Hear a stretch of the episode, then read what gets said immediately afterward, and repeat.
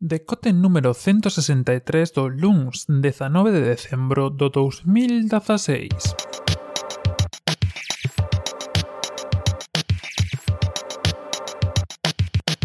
Bos días e benvidos a este novo decote. Non sei vos lembrades a semana pasada que, bueno, o martes riamei um, do martes e 13 das supersticiós e xas, xusto me colleu ese día alguna enfermidade misteriosa e aí estivemos pasando as canutas toda a semana. Bueno, recuperado xa, xa estamos de volta e o primeiro que fixemos, segundo, nos recuperamos xa o momento instante de estar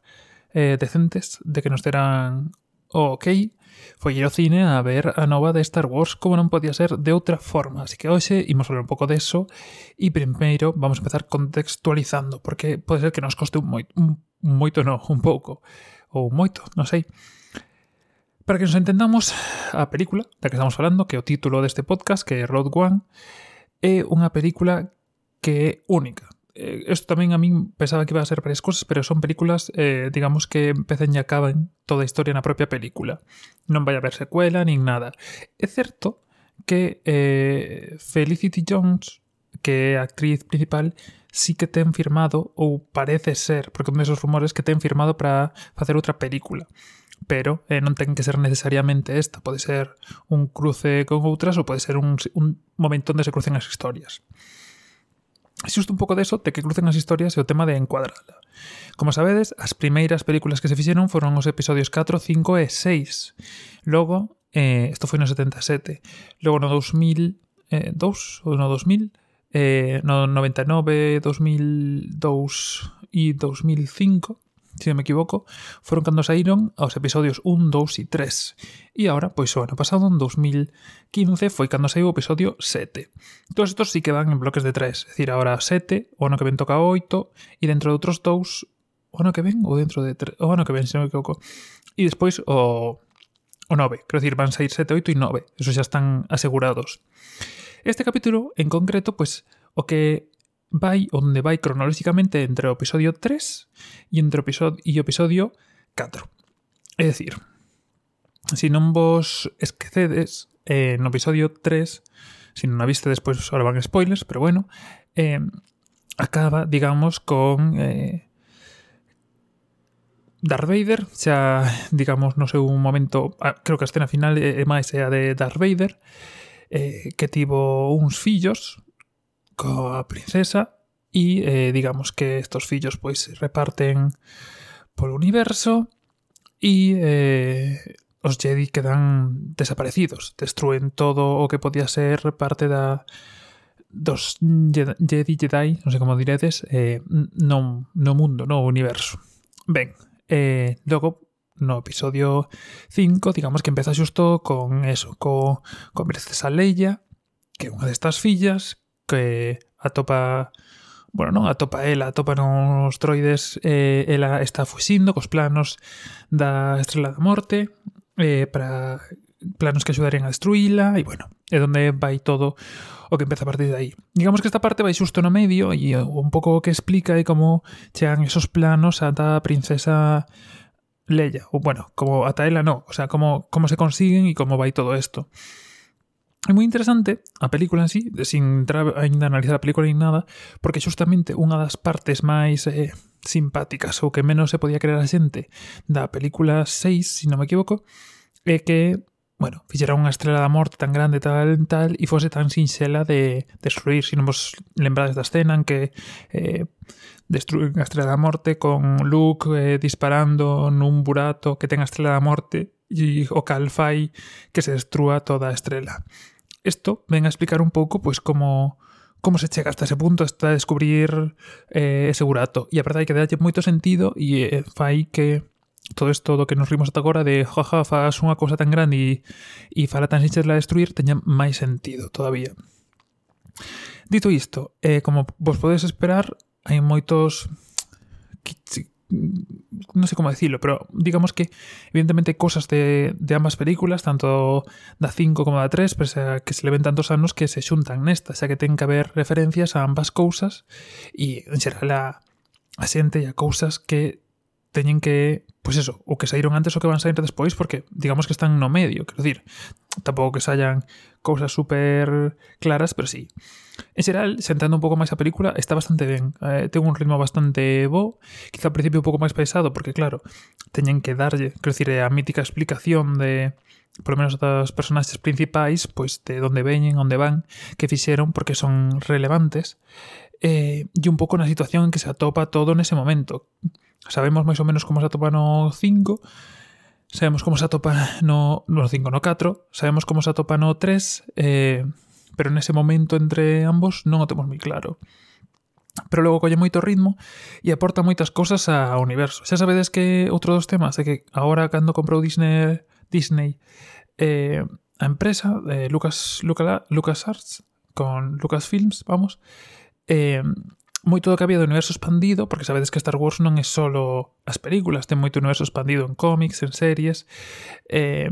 en cómics, en series, e eu creo que máis películas, pero, bueno, si, máis películas hai. Eh, todo este universo expandido como que quedou prácticamente borrado.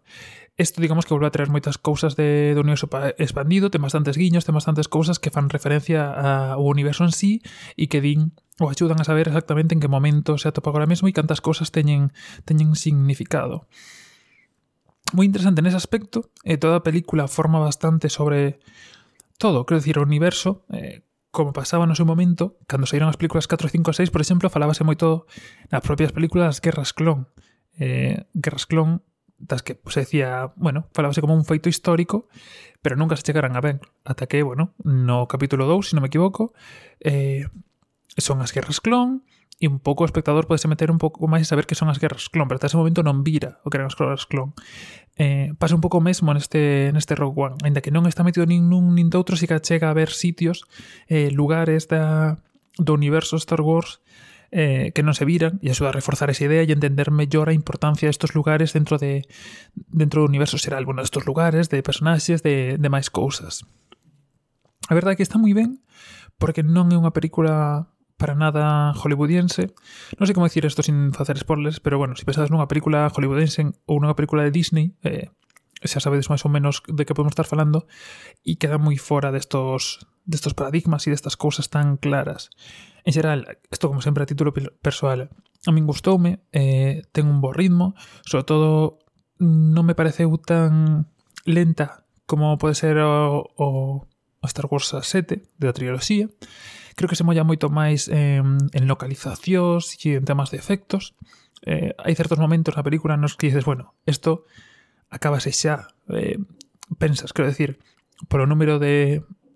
por falar así grandilocuente de, de planetas que viaxan, de sitios que visitan ou de escenas que fan, tú dices, bueno, hai un, hai un presuposto, isto ten que acabarse xa, e non, e siguen, e siguen, e realmente vese que que notase que quizá é unha soa película, pero que fixeron un gran traballo, que apostaron moito dentro desta película e non escatimaron nada en gastos. Dentro disto, eh, decir que, evidentemente,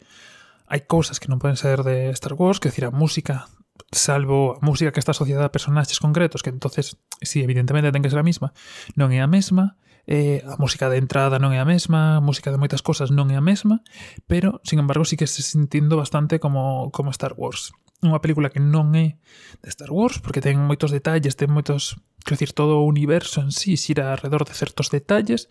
certas cousas que aquí non aparecen ou prácticamente non, non aparecen. Quero dicir, eh, dende o episodio 1 ao episodio 7 hai certo tipo de detalles que determinan unha, unha película de Star Wars e que aquí non están en absoluto e sin embargo non se votan tampouco de menos, todo hai que decilo. Unha cousa que así que sobra, bueno, a mí non me sobra, non é que sobre, pero sí que se nota bastante e desencuadra bastante o uso do, do, do CGI, dos efectos especiais. Tamén complicado falar desto sin meterse en spoilers, pero eh, si de saber a película, que eu creo que é moi recomendable la vela, incluso aínda que non coñezades todo o universo e non vayas a coller todos os detalles, como película de acción, de efectos especiais e eso, está moi ben. Eh, quizá sí eh, que hai momentos nos que sobran, eh, sobre todo en un par de momentos bastante interesantes e que eh, é un efecto especial ou unha forma de presentar certas cousas que ten sentido porque non queda outra forma e quizá non está todo ben resolto que debería e quita bastante da esencia da película. Ademais desto, eh, falando de ir e deso, se ides a ir, eu recomendo vos, para aproveitar a máis todavía, que vexades só tantos capítulos 3 como 4 non é que, desaper, que vayas a perder mogollón de cousas, pero sí que eu cheguei a casa, e iso que, bueno, os tiña relativamente frescos, por se a escoitara isto, así que estivera buscando información e recuperando un pouco todo, pero sí que hai moitos pequenos detalles que logo unha vez que chegues a casa ides a ir a blogs e a sitios a miralos, porque son pequenas cousas, pero que teñen moito sentido. Hai escenas que sabes que están feitas para o fanservice, que están feitas de momentos tontos, moi tontos. Eh, por exemplo, hai un super estúpido que van e se chocan con alguén e sabes que es alguén con que se están chocando, aínda que non sexa un super actor coñecido ou algo, ten referencias a outro tipo de películas. E son esos pequenos detalles os que axudan a englobar, creo, un pouco máis en todo en todo o tema do universo. A, a verdade é que deixa con moitas ganas de novas películas. Sabedes que agora está vindo unha de Pira, unha de Han Solo, que explica un pouco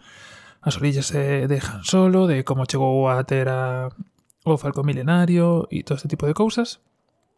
ya verá que, que está moi ben. Eu recoméndola, seguramente estas son os tipo de películas que, que haberá que ver todas seguidas. Eh, cando toque o tour de verán, que fago sempre as películas de Star Wars onde me vexo todas seguidas, 1, 2, 3,